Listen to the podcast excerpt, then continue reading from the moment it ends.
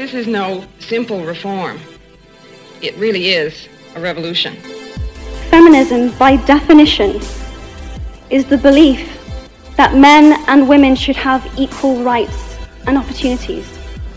In the church, there is full equality between man and woman. I hope that you know that your legacy will be measured in the service of every woman who follows in the trails that you've blazed, every woman who benefits from your daring and determination. Hello, everyone. Welcome to our third episode of She Speaks. I'm Morgan, your hostess. Um, this is the second part of, uh, I guess, the second episode of a multi episode series with our good friend Emmett Claren. And uh, we're excited to pick up where we left off last week. I don't tell very many people this, but, um, and I know a lot of people are going to hear this now, but I really kind of feel like it's important Yeah. for people to understand why I truly believe what I what I do about myself. I was in the temple uh, doing baptisms for the dead, and I received a very strong confirmation that my spirit is male, that I am His son, that He loves me, and that everything would be okay. And I remember sitting in there, and my roommates were kind of looking at me, and they were just like, "Are you are you okay?" And I was like crying, and I was just like, "I am incredible right now." And I and it was one of the most amazing, warm feelings ever. It was the same feeling that I I get like when I like when I when I learned for myself that like I believe that the Book of Mormon is true, or when I mm-hmm. believe that the church, the gospel, was true, uh, or when I got my mission call. Like those feelings, that was the same feeling that I got knowing that and knowing that the Lord com- confirmed that to me, it kind of gave me like a shield where I, it didn't matter what anybody else said, everything bounced off. So I took that, and I had been very depressed and also very suicidal because I was just like, what am I supposed to do with my life? The church says this, and I feel this way. But I took this, I was like, okay, God's on my side. So I was all like pumped up, and I went into my therapist's um, office and told her, you know what? I'm not gay. I'm not a lesbian. I'm trans. I'm I'm not a girl who likes girls. I'm a guy who likes girls. I am trapped in a woman's body. I'm transgender. And she kind of looked at me like, one, I don't really know what that is, but two, I also know that that is against church policy or whatever the church teaches. And then I said, I think I would like to start transitioning. And I knew that the first step to start your transition is to talk to a therapist. Mm-hmm. And the only thing she said to me was, Well, if that's the direction that you want to go, I can no longer help you. And she ushered me out of her office. I, I know that like they have a policy where they can't advise or help anyone who wants to do something that's against church policy. Like it's Yeah. like I'm sure I don't like I don't know if it was personal or not, but I know that anyone like any anyone who's listening who um who's maybe had similar experiences, like it it is a pol- is a matter of policy that they that, that they can't uh they can't aid you in transitions and they can't help you transition into a gay lifestyle or a trans lifestyle.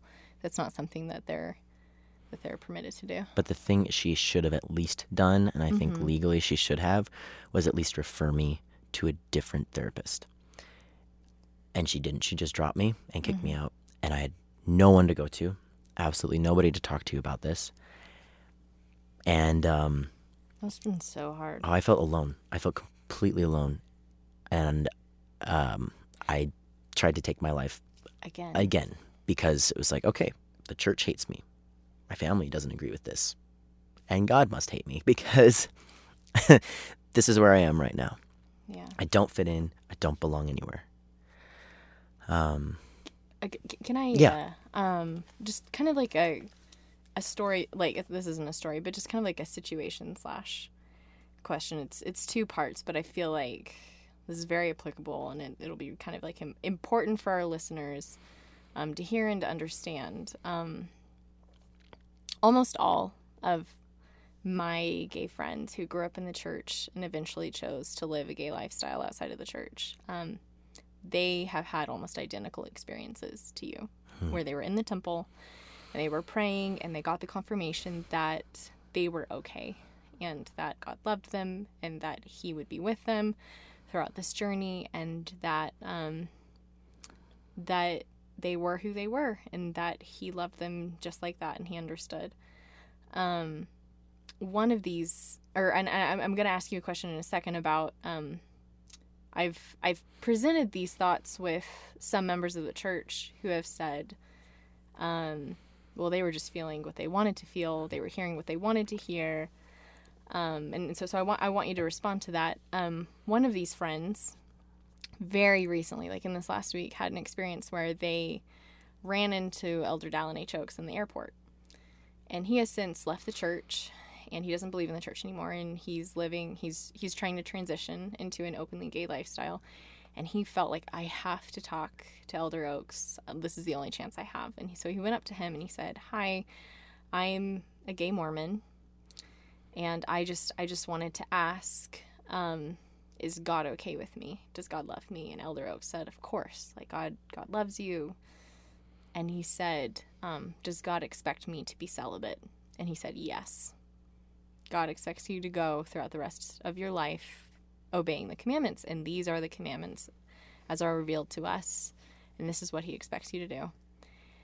And um, I don't know what the question was going along with that story, but I guess kind of like your take on that because the thing is, you are still active Mm-hmm. and you still believe. How do you reconcile the idea that you cannot have a revelation that goes against church policy? That you know that if it's if, if it contradicts doctrine or commandments that are established that are given by church leadership, the, the, the you don't have the authority to say, well, I had a real revelation that is real and that contradicts that. And also, like, we've seen experiences where, even in intimate one on ones, um, this is what is told to us by the brethren. And I, I definitely, I, I know people who have transitioned out of the church who have had some very, very merciful bishops who, that have said, I think God will understand. You're like, you're, and, and they've been told you're never going to find a happy place here. So just go live your life and be happy like what do you like to everything that i just said what are your thoughts like like what do you have to say regarding this I'm really glad that you asked that and brought that up. Um, so after I had actually um, tried to end my life again, um, I reached out to my gay uncle. He, I felt like he was the only one that I could talk to who would understand at least somewhat of what I was going through. And he told me, you know, to keep going, and he really encouraged me. He like saved my life. Um, he gave me the courage to go talk to my bishop about this. And I had already previously actually told him that I was attracted to women, but that I told him, but I'm not acting on it, you know. Um, I set up a, a, an appointment with him, and I told him the same thing that I just told you about my experience in the temple and the revelation that I received for myself. And I was completely shocked by his reaction. Um, he said, "Okay, well, um, how about for this next week, you just try and be yourself. So if that means not wearing any makeup, don't do it. You know, do your hair however you want to do your hair, dress however you want to dress. Like just be you for the next week. We'll meet up next week and we'll talk about how you felt and uh, set me on my way. So the next week I wore really like androgynous clothing, had my hair up in a in a hat. Um, I didn't wear any makeup. Like I was, and I also had bought a binder, so I was binding and like had a, like a, a flat chest, and I. A binder to me is something that holds papers.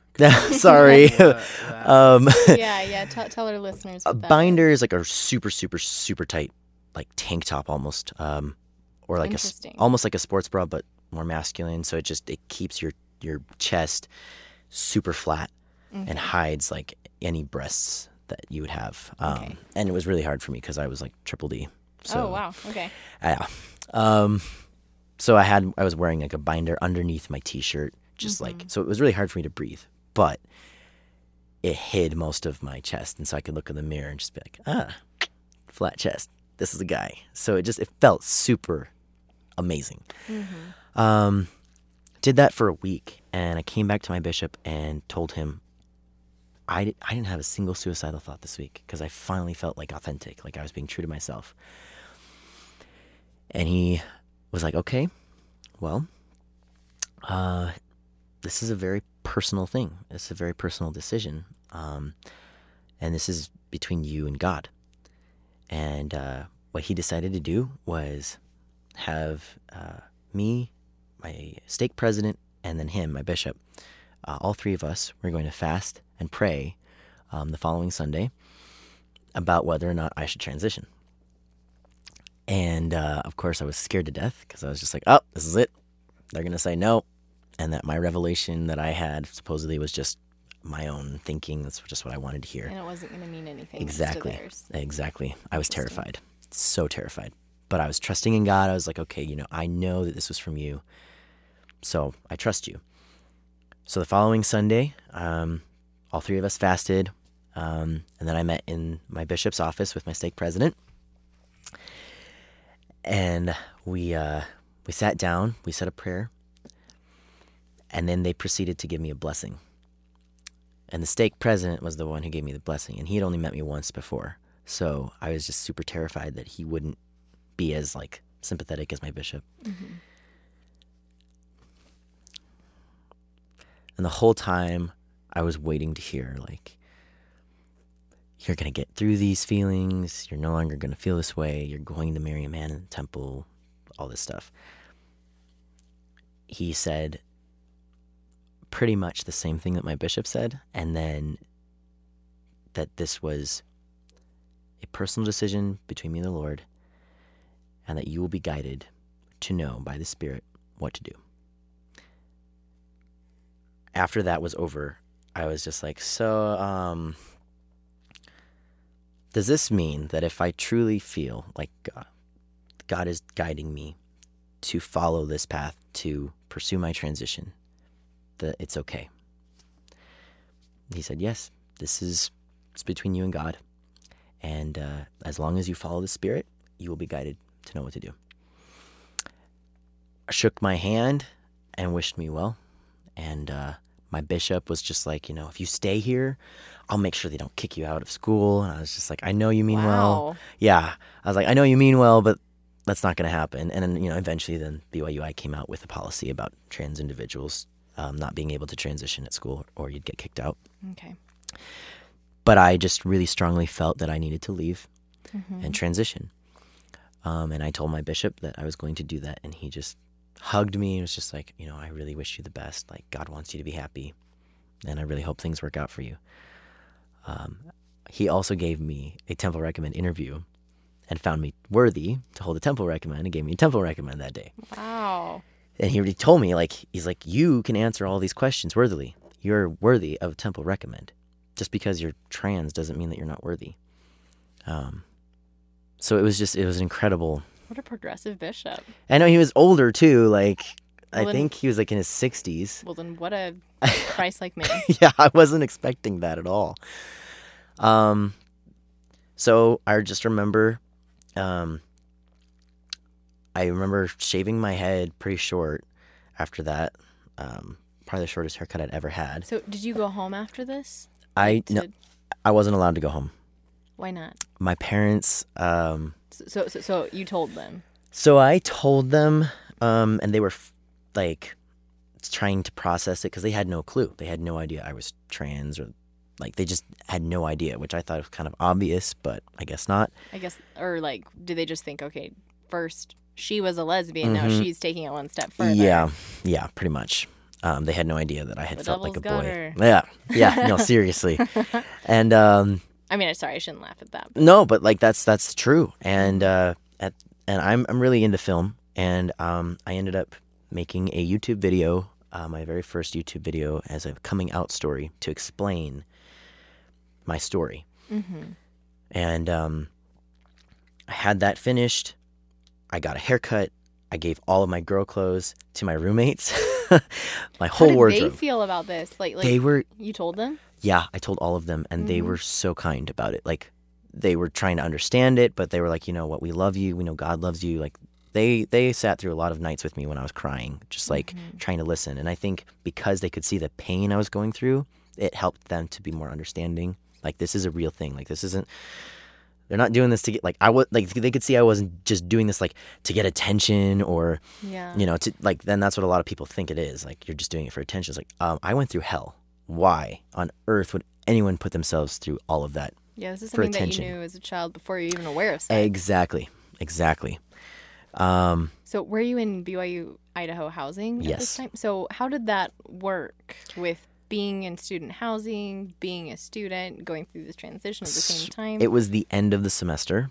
okay. um, summer was about to start, and um, so I ended up uh, dropping out and not going to the next semester. Mm-hmm. Um, and that's when I well, yeah, yeah. What year? oh this was 2015. Okay. Yeah, I served my mission from 2013 to 2015, and then I was at BYUI for a semester in the spring. Um, and I was working through the summer, um, and then I was just like, yeah, I'm not going back in the fall. I need to go. I need to transition. So I just remember giving away all my clothes to my roommates, and most of them left through the summer, uh, and then packed up what like I had like two suitcases. That was all I had and I took a bus. Um, in the middle of the night, one of my roommates actually sat up and waited with me, like three in the morning. Um, wished me good luck, and I took a bus t- to uh, to Utah.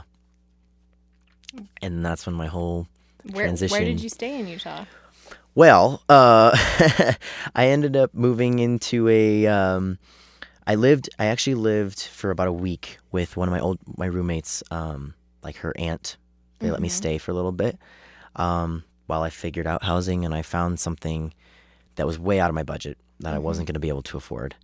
Um, How are you going to pay for the transition? oh my gosh, yeah, you've no. I was so I was broke at this point. Did like insurance cover it at that point? my parents had kicked me off of their insurance. Oh, okay, so you had nothing. because so I had I was you know I had this YouTube video that I was going to post. As soon as I posted it, my parents called me and basically disowned me. They said, you know, you're not welcome to come home. You're a bad influence on the kids. were there more kids after Mhm, that from yeah. the Okay. And um, they wouldn't speak to me. Like I didn't hear from my parents for about a month. Did your siblings know what was going They on? knew what was going on and it was hard for them because they like the YouTube video kind of went it it got a lot of attention. Did it go viral? Yeah. Oh, wow. and my siblings were hearing about it at school and i felt really bad um, i wish i could have done it differently but they were it just wasn't a great time. Um, and my parents just were really upset with me. So i uh, couldn't go to my family i couldn't go home. My parents cut me off completely. And uh, and i was living in this basement apartment paying way too much for rent. Like I didn't even know how I was gonna like get food. Um, and I just remember like I was walking down the street. It was in I was like in West Jordan at the time, and I I had I didn't even have enough for like you know a little meal at McDonald's. Like nothing. I was like starving. And I was part of this Facebook group called um, I probably shouldn't even say it, but I was on I was part of a Facebook Facebook group Mm-hmm. um, for transgender Mormons or those who were previously Mormon. Um, and I finally found other transgender individuals, and I was just like, "Oh my gosh, I'm not the only transgender Mormon here." Um, so I decided to go meet with them. They they um, they held a family home evening Oh, for transgender uh, individuals every month, and so I um, met some of them, and I met this guy named Matt, and uh, he ended up inviting me over to his place um, for dinner. He was staying with uh, Karen Penman. She sings in the Mormon Tabernacle Choir. Oh. She was already housing one trans guy, um, and her son is also trans. And they invited me over for dinner. And that night, when they found out where I was staying and my whole life situation that was happening at that point, um, she was like, "Okay, you're staying the night. Tomorrow, we're gonna go to West Jordan and pick up your clothes and your things. You're gonna give your rent money. You're gonna get your rent money back, and you're staying with me." Completely took me in. She she gave me a room, a bed. She fed me. She helped me get on my feet so that I could get a job, get a car, uh, and then so I could start my transition. Yeah. So she became like a second mom to me. Wow. If it weren't for her, I I honestly don't even know where I'd be right now. Yeah. And then uh, a month later, my parents finally reached back out to me and basically said the same thing that they had said when I had first come out as being gay. They were like, you know what, you're our child. We love you unconditionally. We don't agree with what you're doing right now, but we love you. H- how do you feel about that statement? Like, we don't agree with what you're doing, but we love you. It was. It, I mean, it's. I understood what where they were coming from. Like they had had. I, I I had had my whole life to really come to terms with who I was and my transition. They were just really coming to terms with it, like in a very short amount of time. Yeah. And so I knew I needed to be patient Mm-hmm. and um and I mean and they're amazing right now. Like that was 3 years ago. And So, so like, they've really come. Oh along. yes, yeah. They like they'll defend me in church if anyone talks badly about me. They, um, Wow. I'm their son. Um, they use my name, my pronouns, like, and they just they just yeah, and they just treat me just like their son. Wow. So I, I'm really blessed. Like they completely turned around. I'm really grateful for that. Wow. Yeah. So I don't know if this is completely moving out of like the spiritual territory that we were in, but moving into more scientific Mm-hmm. medical territory. Explain to our listeners what constitutes a transition. Tell us what all surgeries, what all Mm-hmm. hormones, what has happened to you. Yeah, so I mean, everyone tr- everyone's transition is different because some people won't even do hormones, but they'll do surgeries, you know, or other people will do surgeries and um, hormones like backwards. Like they'll- th- th- there's there's not really like a set way to transition, Okay. but the way that I did and the way that I think most people do um, is I um, I started um, HRT, which is hormone replacement therapy. So I met with a doctor, and she explained to me, like, if you start taking testosterone, um, this is what's going to happen to your body. This is what's going to change. Some of these things are permanent. Some of these things are temporary if you stop taking testosterone. And so Do you have to take it every day? I every week. Every week. I I uh, take an injection um, in my leg um, once a week. Okay. So um, it was October of 2015 that I took my first T shot, and um, that was the beginning of my physical transition. Um, so I started hormones. I also started my social transition um, right before that. So that was when like I, I came out to everybody on Facebook um, with my YouTube video and just explaining like this is me, this is what's gonna be happening. I'm the same person. I'm just gonna be changing the way that I look and changing my name and pronouns. I Oh, for our listeners, what was your name before? oh so um, and uh, and some people some people don't like being asked like what their old name Oh, is. okay. I'm really but. I'm fine. Like I'm Yeah. you know um, most people know it anyway. Um, my Be sensitive, Morgan. I'm so sorry. I'm so sorry. some people will refer to it as their dead name, and so if you hear someone say dead like their dead name, it's obviously like like leave that alone. don't talk about yeah but i mean i don't really have a problem with it um so my old name used to be eva Okay. yeah very very feminine name um but emmett just kind of felt right to me um Cool. yeah i went through a whole process with that but um so i went through like explaining to everyone like i go by he him his pronouns. My name is emmett. Um explained who I was, and then that, and then I, I, you know, got a haircut, started going shopping for boy clothes, which was like the best feeling in the world because I finally could wear boy clothes. Um, wearing a binder on my chest, um, going to church in a suit and tie. What? Okay. What was that li- like? How did people respond to that? Because I'm assuming that before you went in a dress, Yeah. and like, like like there had to be one Sunday where this is your first Sunday in a suit. Yep. Okay. Oh, and it's funny. What? Yeah. I have a YouTube video where I it was my first Sunday in church as me, and I I recorded myself before church, like my feelings and everything, and then after. Um, so that's out there. But um, I had an amazing bishop. Um, the ward that I lived in, because I think it was because Karen, the lady that I lived with, she and her husband were amazing. I mean, they have a trans son, and um, and uh, and of, we're housing two trans guys. Um, the bishop was extremely kind. He was just like, "Yeah, your brother Claren." So like, I was able to just go to church wearing my suit and tie. And this was in South Jordan. This was actually in Ogden. So they lived in Ogden. Okay, Yeah. Ogden. So um, this was- Interesting. The- right? The what what most- was it? The the second worst place to, Sexist pla- to, to, to, to work as oh, a place to work. Okay, Yeah, not the sexist. pay grade. That's that's somewhere else. Yeah. Um, the whole state. oh, of the whole Utah. state of Utah. Yeah, I knew that was some. Yeah. Um, Interesting. oh my gosh. Yeah. well, I don't know. Maybe they liked you more because you're a guy now. Uh, I don't know. It's it's it's hard to tell, but um, people. S- So he set the example. Yeah, he set the example, and people were really kind. Like even his his um, the bishopric leaders were really kind to me, shaking my hand, brother Claren, welcome, welcome. Um, Wow.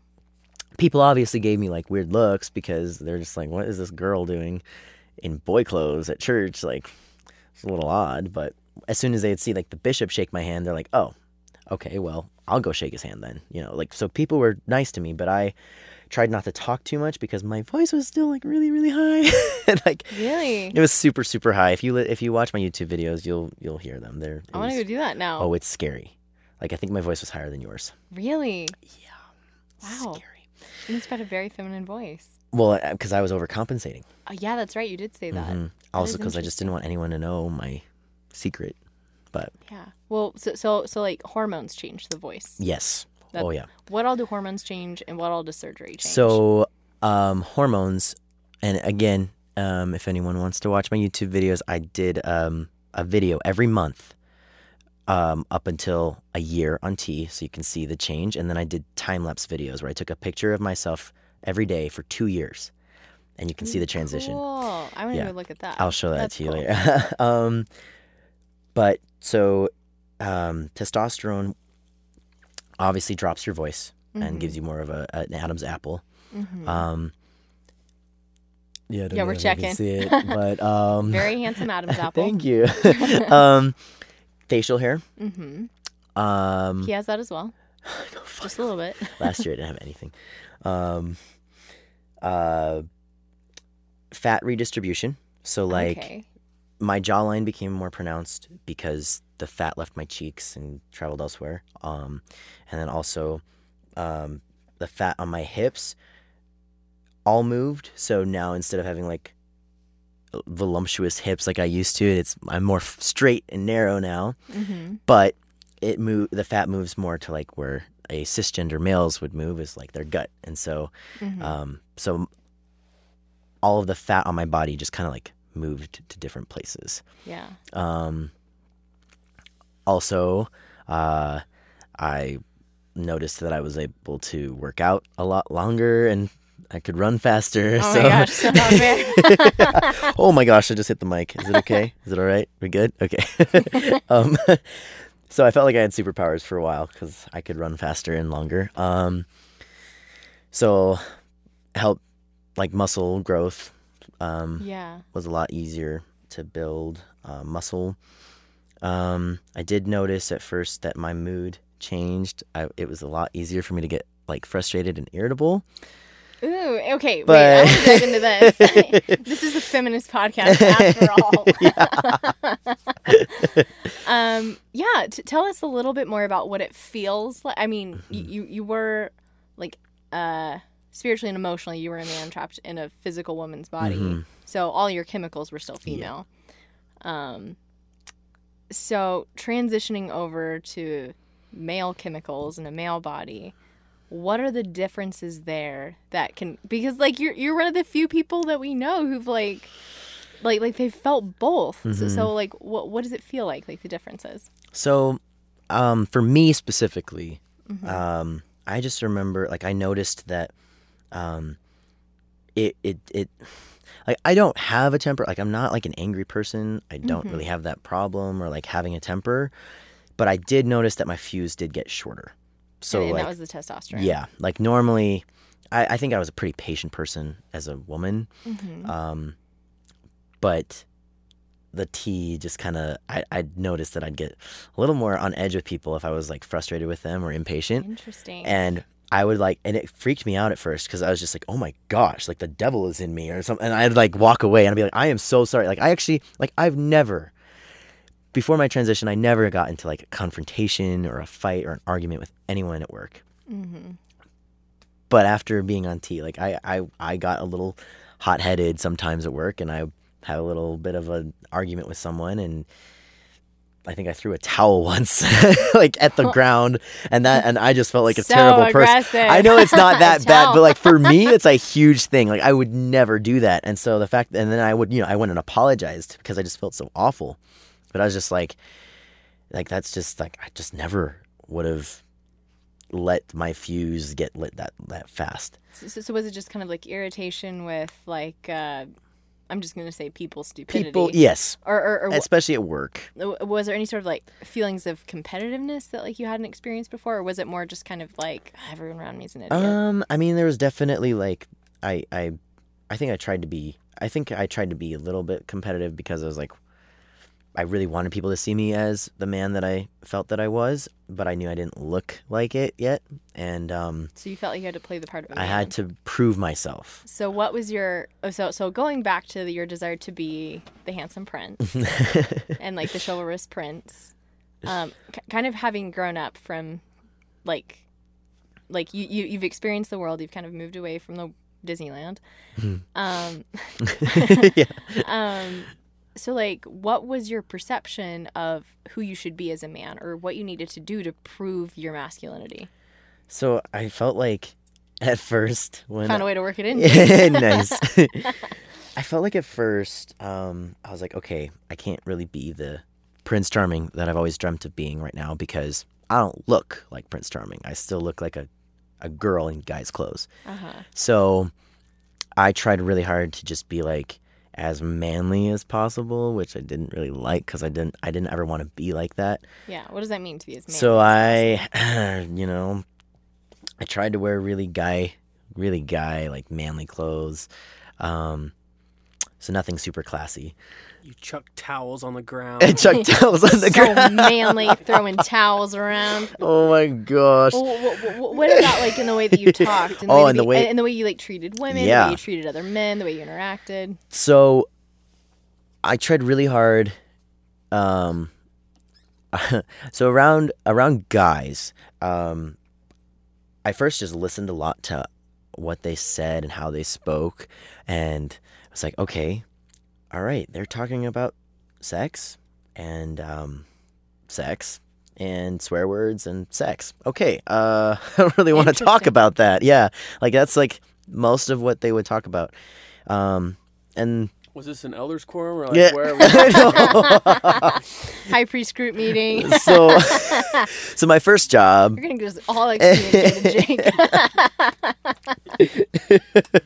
well kidding, kidding. i won't kidding. say any names um No, I really want to clarify. Like, where was this? at that you so and, and and at the beginning of my transition i only went to sacrament meeting in church so i didn't go to any of the priesthood or Oh yeah, that yeah. would have been interesting. at the beginning i just didn't even feel comfortable i was too scared um so 'cause just just going to church in a suit was a huge thing for me Yeah. so um so really the only interaction i had with men was at work and i was working at like the lifetime factory making like you know lifetime like lifetime makes all these um, well these aren't lunch tables but like the lunch tables you'll see everywhere or the the, the, the fold up chairs or Okay. basketball hoops like they're a huge company Just like stuff. you'll recogn you'd recognize if you saw any of their stuff lifetime Oh, like like like no, I'm thinking of Fisher Price. Never mind. oh yeah well but it's kind of like that But, like, swing sets pla- the plastic yeah Okay, all right. So hard general labor, Mm-hmm. um, power tools, and lifting heavy things. So there's a lot of you know,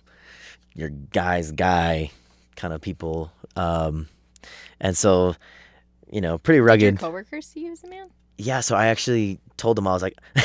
it's so funny. I was like, I don't know if you can tell, but I'm trans, and they were like, "Oh, we gathered," because at that point I was like, oh, "I have a short haircut and I'm wearing guy clothes. I must pass, right?" But like, they, uh, I just told them like, Had you had the surgeries yet? no, Okay. I hadn't even started T yet. Like I was still Oh, okay. pre T, pre transition, but I had socially transitioned. So I was like, Okay. I am f- full on. Like right now, I am presenting as male. Okay. So, and they were all really cool. Like they weren't judgmental about it. Um, Nice. And I think they tried to like the guys tried to bring me into their corner and be like, okay, you're a guy. Let's learn to show you how we talk. And I was just like traumatized by like the things that they talk about. I was just like, oh my gosh, you're so vulgar. Like they would just, they, I mean, they talk about you know hunting and sports, and I was like, okay, I can, I guess I can kind of get into that. Um, but you know, there's just a lot of sexual jokes, um, and sexual jokes that they would make towards like coworkers, and I was just like, um, I'm not going to participate in that. Very like But- Trump esque locker room talk. Yes, very. Oh yeah, the locker room talk is real, and it's sad. Um, boys will be boys. Yeah. so you know, I would like stand Not by all them. boys. Right, not not all boys. There are a lot of gentlemen, including the two in this room. Th- oh, thank you. um, so I, I would like, you know, I try, I wanted to fit in, so I would stand there, nod my head, and laugh, whatever. But whenever I would talk to like a girl at work, I would like make it very clear, like, I just want you to know, I am not like them at all, and I don't agree with half of the things, more than half of the things they say. Um, I didn't want the girls to see me that way. I didn't want them to see me like the other guys that were Yeah. talking like that. Um, but I really wanted to fit in with the guys, so I would stand there and listen. Um, and being new in my transition, I was too scared to really stand up and be like, "Hey, you should probably not say that in front of these women over here. Like, let's be respectful." Um, but now, like three years into my transition, I I will stand up and say something. Like if they say something offensive, I'm like, "Guys, come on," because now I'm not as scared. Interesting. Well, we, we should have you on the podcast that we're going to do down the road about guys standing against uh, uh, misogyny and uh, talking dirty about women. Yeah. But we'll, we'll discuss that at a much later date. But interesting. Okay, so when did you start the surgeries and what did that constitute? Oh my gosh. Okay. Um. So six months into my physical transition, um, I decided to have top surgery, which is to have my breast tissue removed. So I got a a double mastectomy, Okay. and um. Did you want to know what happened with church at that time? Because I was almost dis- I was almost excommunicated for that. Oh, wait, let's, yeah, no, let's hear about that. Um. so That's juicy. Tell us. Okay, yeah, it's very juicy. Um, I, I, I, uh, so I only had lived in Ogden for about a month, um, a month and a half. Um, so once I hit like one month on T, I ended up moving down to Provo, Orem. I moved to Orem. Okay. So a new bishop, Mm-hmm. and this is why I believe that I'm just like nothing is by coincidence. Like the fact that I've moved so many times and I've had incredible bishops. Um, I was one month on T, uh, but I didn't really pass, so I didn't really go to church for a little while. I kind of fell off the radar. Because you Um, wanted to I wanted to transition a little bit more. be more, Mhm. like, obviously male. Yeah, I wanted Okay. to pass. That's usually what we yeah so we say. We wanted to pass or be stealth. Be stealth. Be stealth. Okay, like where no one knows that you're trans. Okay. Be ninja. Ninja trans, yeah. Brought Um, to you by Ninjake Productions. Just got to get that one in there. it's good. That's a good one. Ninjas, what? um. So, um, let's see. I was so about I want to say like five months on T. Mm-hmm. I looked like I was probably a twelve-year-old boy. Okay. So, yeah, it, it makes you, you you look a lot younger when you're transitioning. Um, just because of the baby face. mm-hmm. So I went back to church, and I told my bishop, my new bishop, like about me, who I was, and he was like, "Okay, well, you know, this is what the handbook says. So just let's stick to this, and you should be fine. Um, you're welcome to come worship. We just want you to feel welcome here, and you know, you just can't hold the priesthood, but you can come to priesthood if you want." Mhm. Um, and he was really nice. Yeah, yeah. So I uh, ended up telling him about my plans to have top surgery. Mm-hmm. And he was like, "Well, okay, um, doesn't say anything against that in the ha- in the church handbook, um, so you should be okay. But we should probably talk to the stake president about it." And the stake president was not a fan of me. Um, he had never met me, but simply knowing that there was a trans person in his stake, he didn't like that, and so he ended up like voiding or canceling out my temple recommend, even though I was still worthy of it. So I was pretty upset about that. Um, but we ended up having a meeting with him and my bishop talking about my top surgery, and the stake president was very cold and just like, this goes against all natural things. Like, I know it doesn't say it in the church handbook, but you shouldn't be doing this. Um, basically told me that if I were to have top surgery, I would be excommunicated, um, or at least hold a disciplinary council. Yeah. So he was like, you know, go home and ponder and pray about that and tell me, you know, make up a decision. It's interesting because like a woman, and like obviously like it's not done for the same purposes, but like if wo- if a woman gets breast cancer and she gets a, a mastectomy or a double mastectomy, like that's not Oh, or even nothing to. or even women who who have cosmetic surgery or plastic surgery. Yeah, yeah, yeah. It's not against the church handbook. And neither is top surgery, but he he was saying like, well, it's for the reason behind it that I don't believe it's right. Um Have you heard of Bishop Roulette? yep. Yeah. Yeah. So you, Oh, I experienced that. yeah, you uh, you'd been pretty lucky up till that point. Yeah. And so I uh, and I thought that that was the end. That was the road. Like, okay, I'm gonna get excommunicated, and I, I I was pretty torn up about it. Were you ready to face that? No, like I thought I was. I thought that I'd always be ready. Like I knew it was coming. But when he said that, like I walked out of the church like just in tears, just like panic, panicking. Like how could they? Like I loved the church. I loved the gospel. How could they do this to me? Like I'm not a bad person. So I was so scared, so upset. Yeah. And uh, I I went home. I prayed about it, and I obviously knew like this is the next step for me, and this will help me feel more comfortable in my body. That'll take away some more of my depression. It'll you know help me be more true to myself. And uh, I ended up going through with the surgery. Mm-hmm. And once I was, you know, about a week out and I was able to actually talk on the phone, I called my bishop up and he was like, So, did you go through the surgery? And I said, Yes. And I feel amazing. Other than being sore, I, I honestly, emotionally feel amazing. And he's like, Okay, well, then unfortunately, we're going to have to hold a disciplinary council. Okay. And he gave me the date. So you really feel Sam Young's pain. Yep. You know exactly what that feels like. Um, Wait. So, Wait. So, wait. Did did you actually go through with the disciplinary council? So so that's so that's what came up so that's like he gave me the date and Okay. told me when it was going to be and so i was trying my best to prepare for it.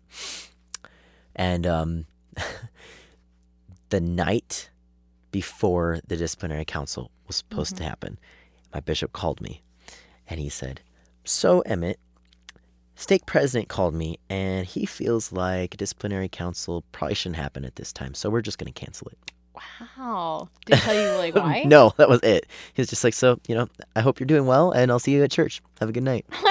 like, I was so shocked. Like, I was just like, what? Something amazing must have happened. Um, He's like, by the way, could you break bread for the sacrament? I wish, right?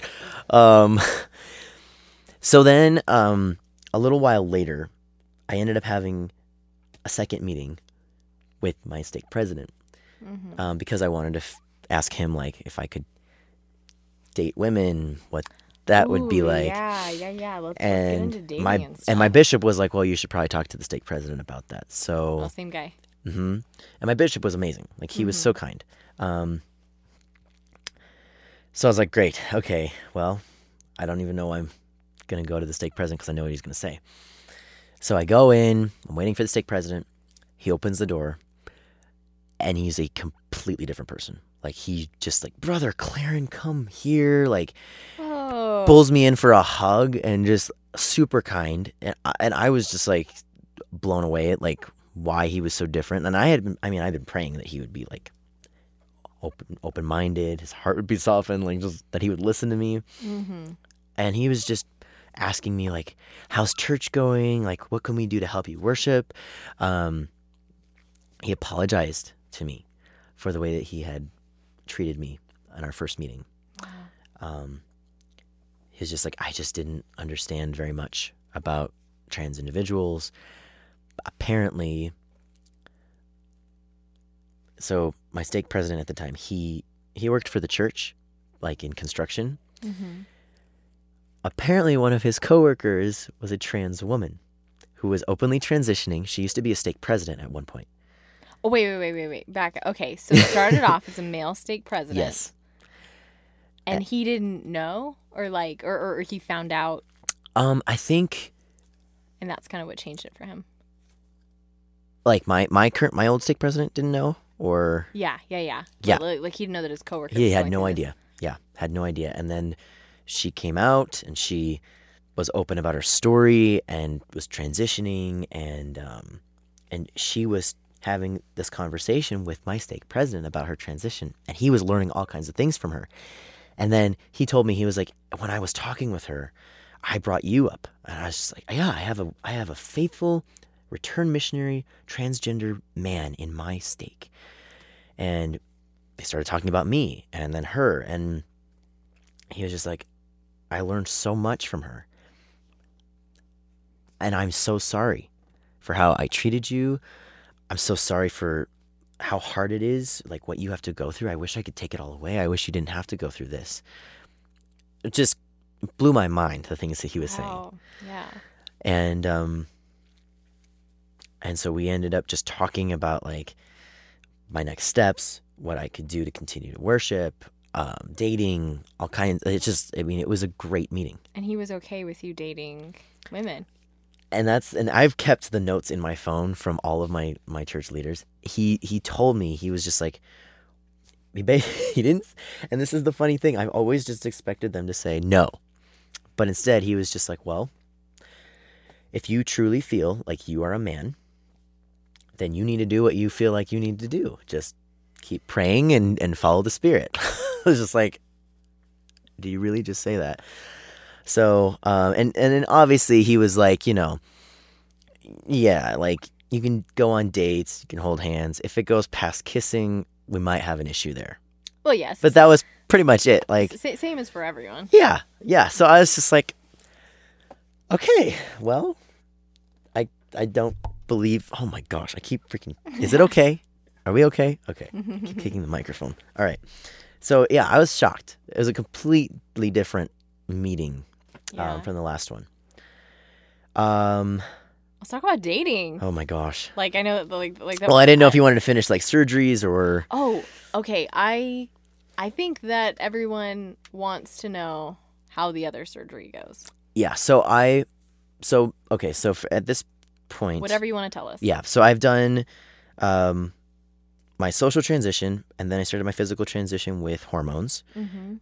Um, and then I had a top surgery at six months on T, Mhm. and um, last.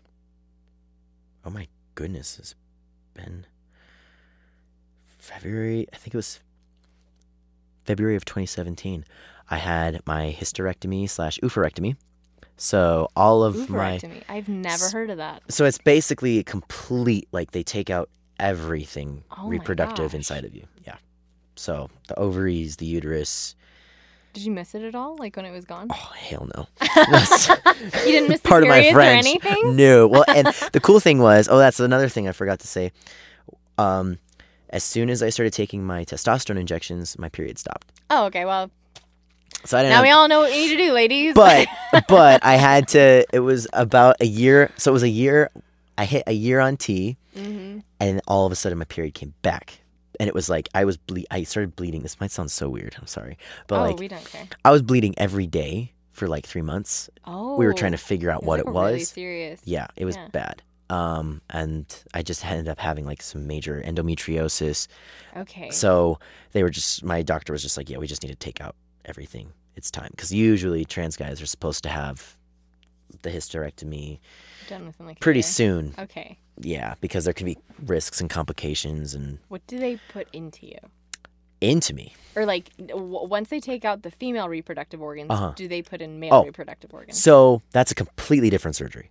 Okay. So this so th- yeah, they just took everything out, sewed me up inside, and all that, and um, now that's all gone, and I, and I have a lot less. Like I'm not fighting as much of the estrogen anymore, so like the testosterone can just be doing its job instead of Yeah. compensating for the estrogen as well.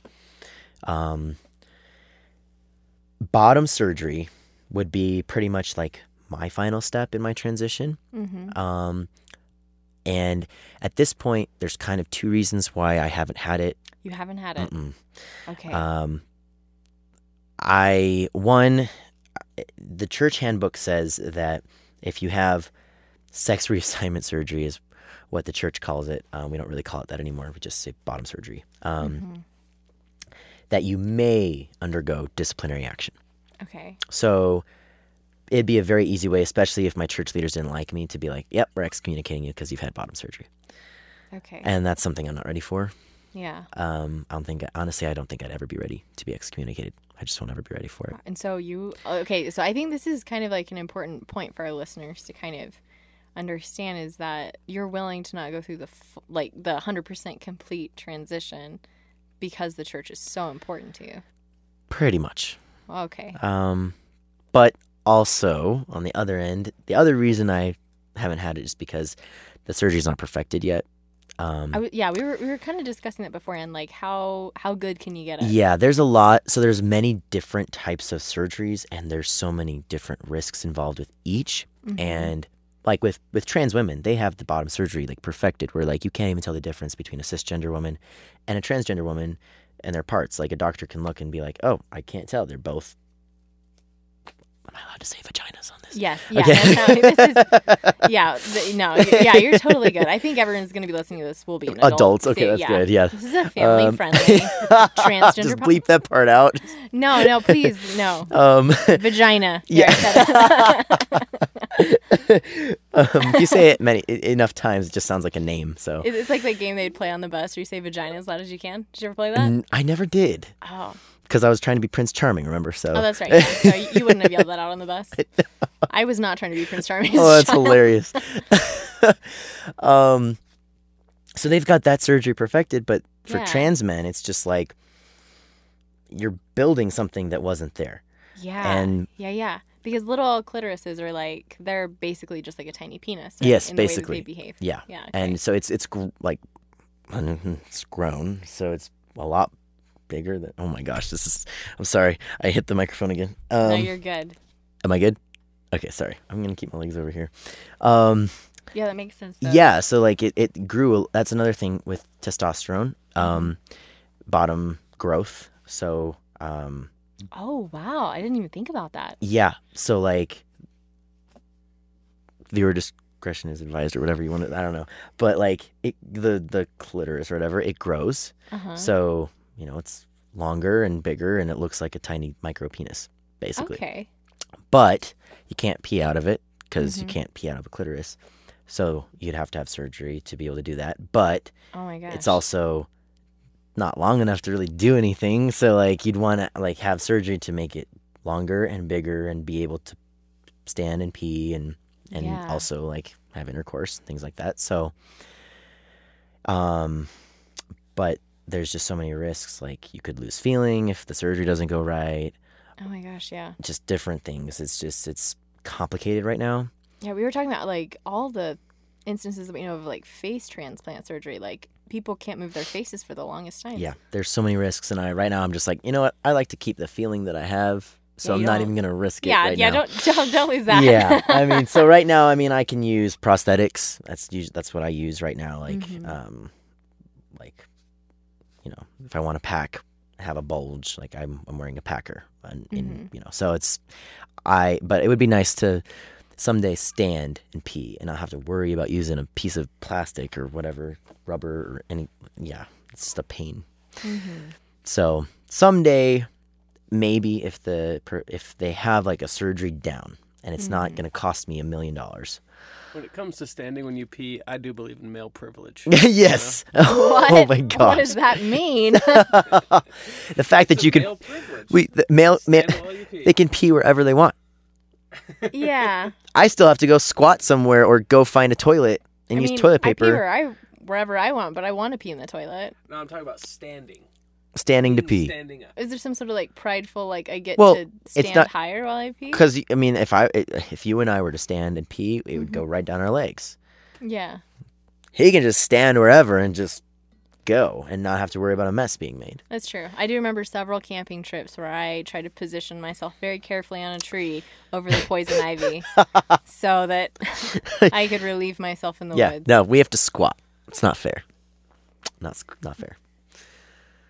Interesting. Well, Yeah. so so you haven't had bottom surgery. Right. Science is not quite there yet. If science were there, though, I'd probably consider it Yeah. and then just take the risk of being excommunicated or not. I mean, I'm still the kind of guy who, if I get excommunicated, I'll still be in the pews on Sunday Mhm. and still go because that's how I worship and that's how I show God that I love Him.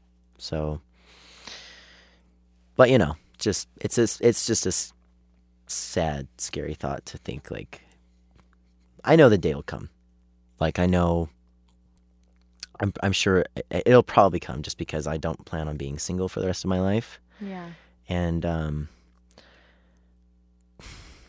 technically the church still sees me as a female, so if I were to be with a female, technically it's seen as a same-sex relationship and the church still doesn't accept that.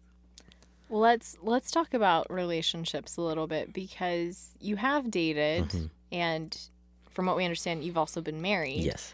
So tell us a little bit about dating women and then marrying one. Yeah, so I um like um when I was What date does that come up on? Oh Like, my is it first gosh. Date that you're like, so fun fact. Um, luckily for the girls that I have dated, they've already kind of they've known that I was trans beforehand. Um, I mean, there Are these girls like straight? yes. Okay. Um, and and also there was one time though that I did date a girl where she had no idea that I was trans. Oh. Um, but I ended up telling her, and she still wanted to, to date me. She was still like, "Well, okay, but you you look like a guy to me, so I don't really care," you know. yeah. Um, but Did anyone's heads explode? Like, did anyone lose? Their luckily, no. So everyone was very understanding and kind of on board. Yeah. Okay, cool. Um. Uh, the my uh ex-wife. so weird saying that. Um, when we were dating, um, she already knew that I was trans beforehand, hmm so she knew that going in. And she she was active LDS. Yeah. Okay. Um, and uh, where was the question going? Oh, what it was like? Yeah, yeah, yeah. dating. Yeah. So, and we were very open Mm-hmm. with our bishops, um, respectively, um, about our like we were dating and how we were interacting physically, and um, both of our bishops were fine with it. Like they were just like, yeah, okay, like just keep the law of chastity, you know, and you know, save that for Yeah. marriage, kind of thing. Um, and then uh, we ended up getting married, um, and her bishop. This was in Ohio where, Okay. where we got married. Her bishop um, approached me and told me um, on the day of my wedding that when he saw me uh, and my future wife standing up there to be married, um, he said, I received confirmation that your spirit is male. And I don't see a need to discipline you in any way because I saw this as a union between a man and a woman. Um, so my bishop was supportive and um, and we weren't we weren't disciplined in any way. Um, our marriage was very short though, and we did get divorced. Um, And it had nothing to do with the fact that I'm trans. Um, it was just other personal issues. Yeah. Um, but um, I, I, I kind of feel though that had we been married longer, Mm-hmm. the stake president would have gotten involved and the other because I know that I knew that the other church leaders weren't super supportive of us. Just our bishop was. So I feel like discipline was was imminent. Um, Yeah. We just didn't stay married long enough for that to happen. Um, so I'm sure that in the future, if I do end up dating again and getting married again, I'm sure that that'll be brought up. Yeah. Right now, I'm in a YSA ward, and my bishop is incredible. Yeah. He's like, you can, we can give you a calling. You can speak in church. You can perform a musical number in church if you want. Um, you can go to priesthood all three hours. Um, we want you involved. Like, thank you for coming.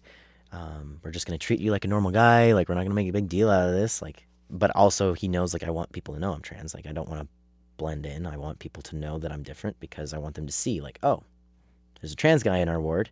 He's trans, but he's just a guy.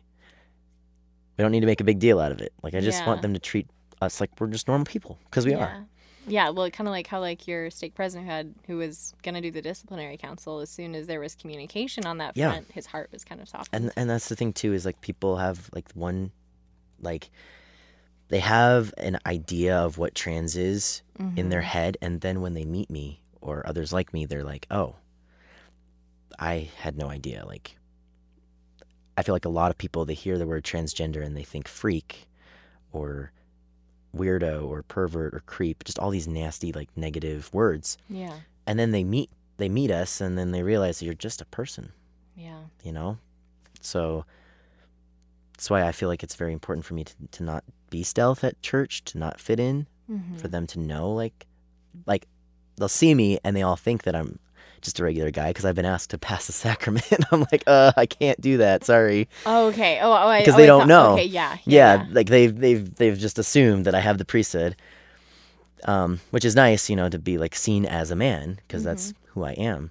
Um but i also am very open about like i'm fine with anyone knowing that i'm trans because i want them to know. Like you don't have to make a big deal out of it. Like just treat me normal treat everybody like we're just all brothers and sisters Well, I um I have a question. and th- th- This is kind of nearing kind of the end of the interview, but a question that um I've had since just you know scheduling you here like as a guest. Um, the plan of salvation. What do you think of that now? How does that work for you? How do you feel like you fit into that? I've been asked this so many times, and um, I also have a YouTube video, well, two that are like Trans Mormon 101 videos, Mm-hmm. and I answered this question. Um,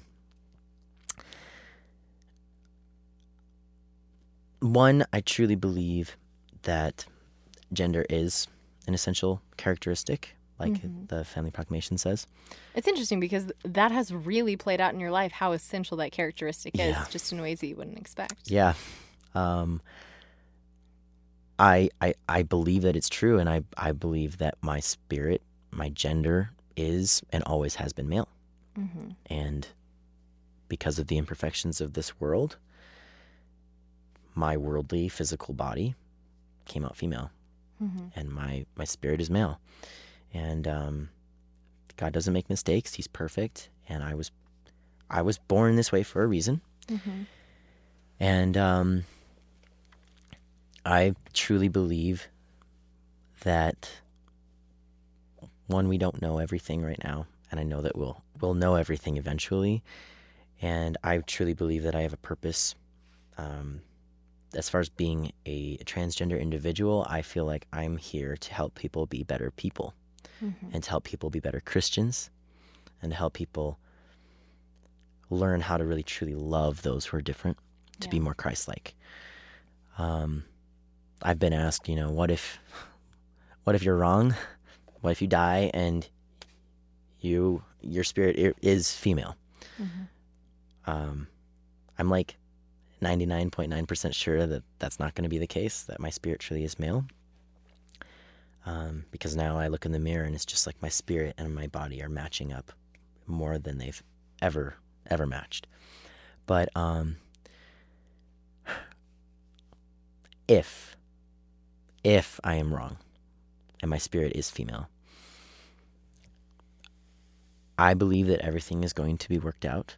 Mm-hmm. I don't believe that Heavenly Father would allow me to live in the next life not feeling like I match up with my spirit. Like I mm-hmm. feel like if, if this really truly is a trial and I'm not supposed to feel this way, then I'm not going to feel that way. I will mm-hmm. feel like I match up. Everything matches up. Everything will be right.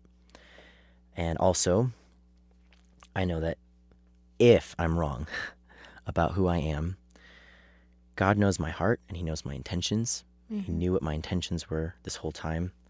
Everything I did was under not only his guidance and counsel, but also the guidance and counsel of my church leaders. Everything I did, I, I, you know, I did everything by the book. I prayed about everything, fasted about everything.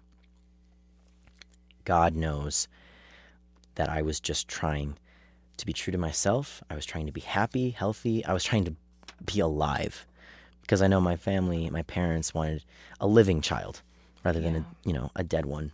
Um, so in the end, he, he, I know he'll judge me for what my intentions and my heart were. And that was just to be happy and healthy and alive. Yeah.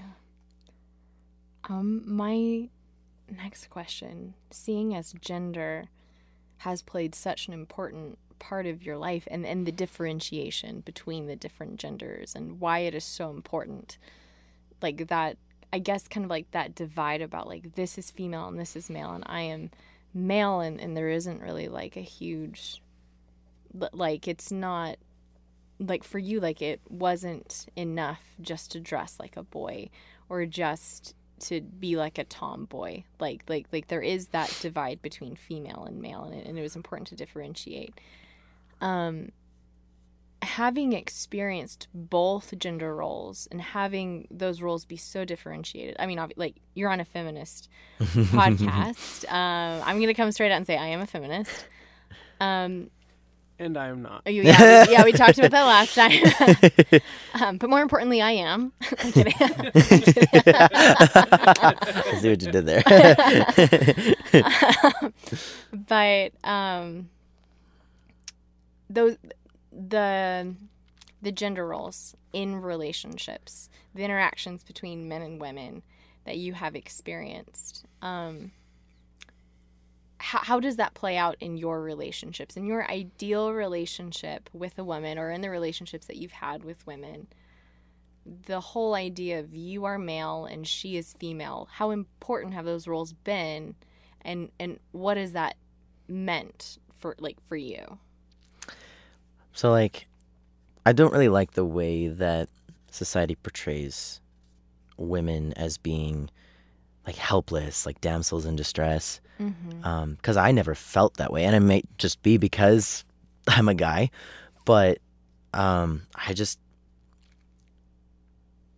I've never really agreed with that. I'm like I, I believe that women are independent and just as capable as men are. Mm-hmm. Um, for me though, it was again it comes back to like the Prince Charming aspect. Like I wanted to be the protector rather than the protected. I wanted to be the one who will help um, save the day if I can. Mm-hmm. Um, I wanted to be the one that um, could take care of if I needed to um, a woman to be like, you know what, I'm here to support you. I want to take care of you. I want to help you. I want to give you the life that you deserve. Um, I wanted to be the big strong guy who, if she needed, she could she could cry to me. I would mm-hmm. hold her. You know that was, and not because that's what she needed, but if she wanted, I could be that that guy for her. Yeah. Um. Were you as as a woman? Were you ever sexualized or harassed or, or talked about like in a gross way. Oh yeah, I, I even remember on my mission like walking down the the street in Kaysville. Of, of all, all, places. places. did we all three say that? Yeah, I think we oh. did. oh, okay. um, and getting um catcalled and like having someone like whistle at me, like, and it's just it's the it's ugh, it's ugh. That's the weirdest feeling. It's just like I felt like I needed to cover up my body and it made you feel shame. Yeah. Like the like I, I wasn't trying to dress in any way to catch call attention to myself. I was yeah. just walking. And I didn't want that attention. It made me feel very uncomfortable. We were walking by a bunch of cornfields and I just wanted to like go run in the cornfield and hide. Like I didn't want anyone to see me. Well, having had that experience, like, has that like, have you made like like these like mental like mantras, like I will never be that guy? Oh, absolutely. The things that I remember hating the most that guys would do to me when I was a woman mm-hmm. are the things that I refuse to do to a woman. I will never do that. What What are those things specifically? I catcalling and and wolf whistling at a girl or um like there's like things that guys will say to a woman almost like they're they're hitting on them and flirting with them but like in a sexual way. Mm-hmm. And it's just like you just you don't talk to women like that or you don't comment on their body. Like I don't like I will comment like I'll give a compliment like that you you know you look beautiful or something mm-hmm. about your smile or your eyes, but I won't like comment on your body or your your butt or anything like that. That's what a lot of guys will do. Mm-hmm. Or um, the the very very noticeable like checking out a girl and, and making sure that she sees that you're checking her out. Like I will I just will never do that. Like I just even just checking out a girl in general, I feel uncomfortable doing because I'm just like that. I just feel like it's disrespectful. So, um, just things like that where it's like I knew I didn't like eyes being on me in that way or having like certain parts of my body looked at in uh just it made Yeah. me feel uncomfortable and so I I just I don't want to make a girl feel uncomfortable. Yeah, well, that's that's awesome. Um, we have one more question. A question that's very important to Jake. um, I'm also excited to hear the answer to this. If there is one thing that you could tell everyone in the world, everyone in the church, um, what would that one message be?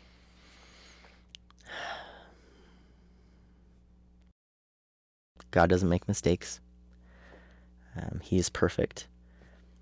And my body is not perfect, but my spirit is. And just like my body isn't perfect, you know, I I can't see without glasses or contacts. My eyes are imperfect. Um, my sister has seizures. Her body is imperfect. Her body fights her every day. Um, there are some people who are born blind. Uh, there are people who are born deaf. Um, there are people who are born where their bodies are just constantly fighting them, betraying them daily because of disabilities. And that's all worldly. Um, there are people who are who are born with uh, missing limbs, and for whatever reason, our bodies are just imperfect and God doesn't create us this way um, to punish us.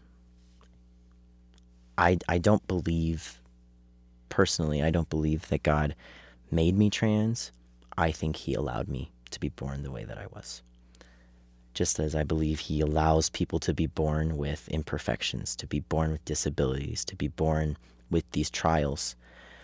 Um, and it's to help us to be better people, to help us to learn and to grow, but to also help those around us. And like I've said before, I believe that my purpose here is to help others be more Christ like, be more um, charitable, to help other people learn to love those who are different. Um, and so I just, you know, I would just ask people to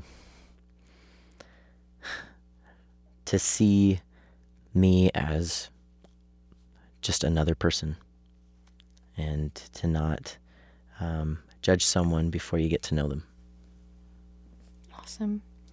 Well, thank you so much, Emmett, for being willing to come and to talk with us. And um, it's been a beautiful conversation, a beautiful episode. And Thank you. yeah, thanks, thanks for coming on, and thanks to our listeners for participating um, in this wonderful conversation. We hope that you'll um, consider the things that you've heard and that you'll mold them over in your heart. You'll do research if you have questions. Um, if people want to reach out to you or learn more, where should they go? So, um, if you go to YouTube, um, I have a YouTube channel, and you can just look up Emmett Claren. Um, you can also just type in transgender Mormon, um, and I'll pop right up. Um, if you've heard of Vice, Vice has done a, a documentary on me, and um, it's also on Broadly as well. And that documentary kind of tells my story. They documented my story, and they've also documented they t- they actually documented my uh, my top surgery the day that I went in for top surgery. So it's on that documentary. Okay, awesome. So yeah, and also I'm also I'm on Instagram a lot. So most most of my communications are through that. I'm barely on Facebook anymore. So Instagram's a great way. Just Emmett Claren. Emmett Claren. Okay, how do you spell Claren? C L A R E N. Awesome, awesome. Well, thank you, and hope everyone has a great night.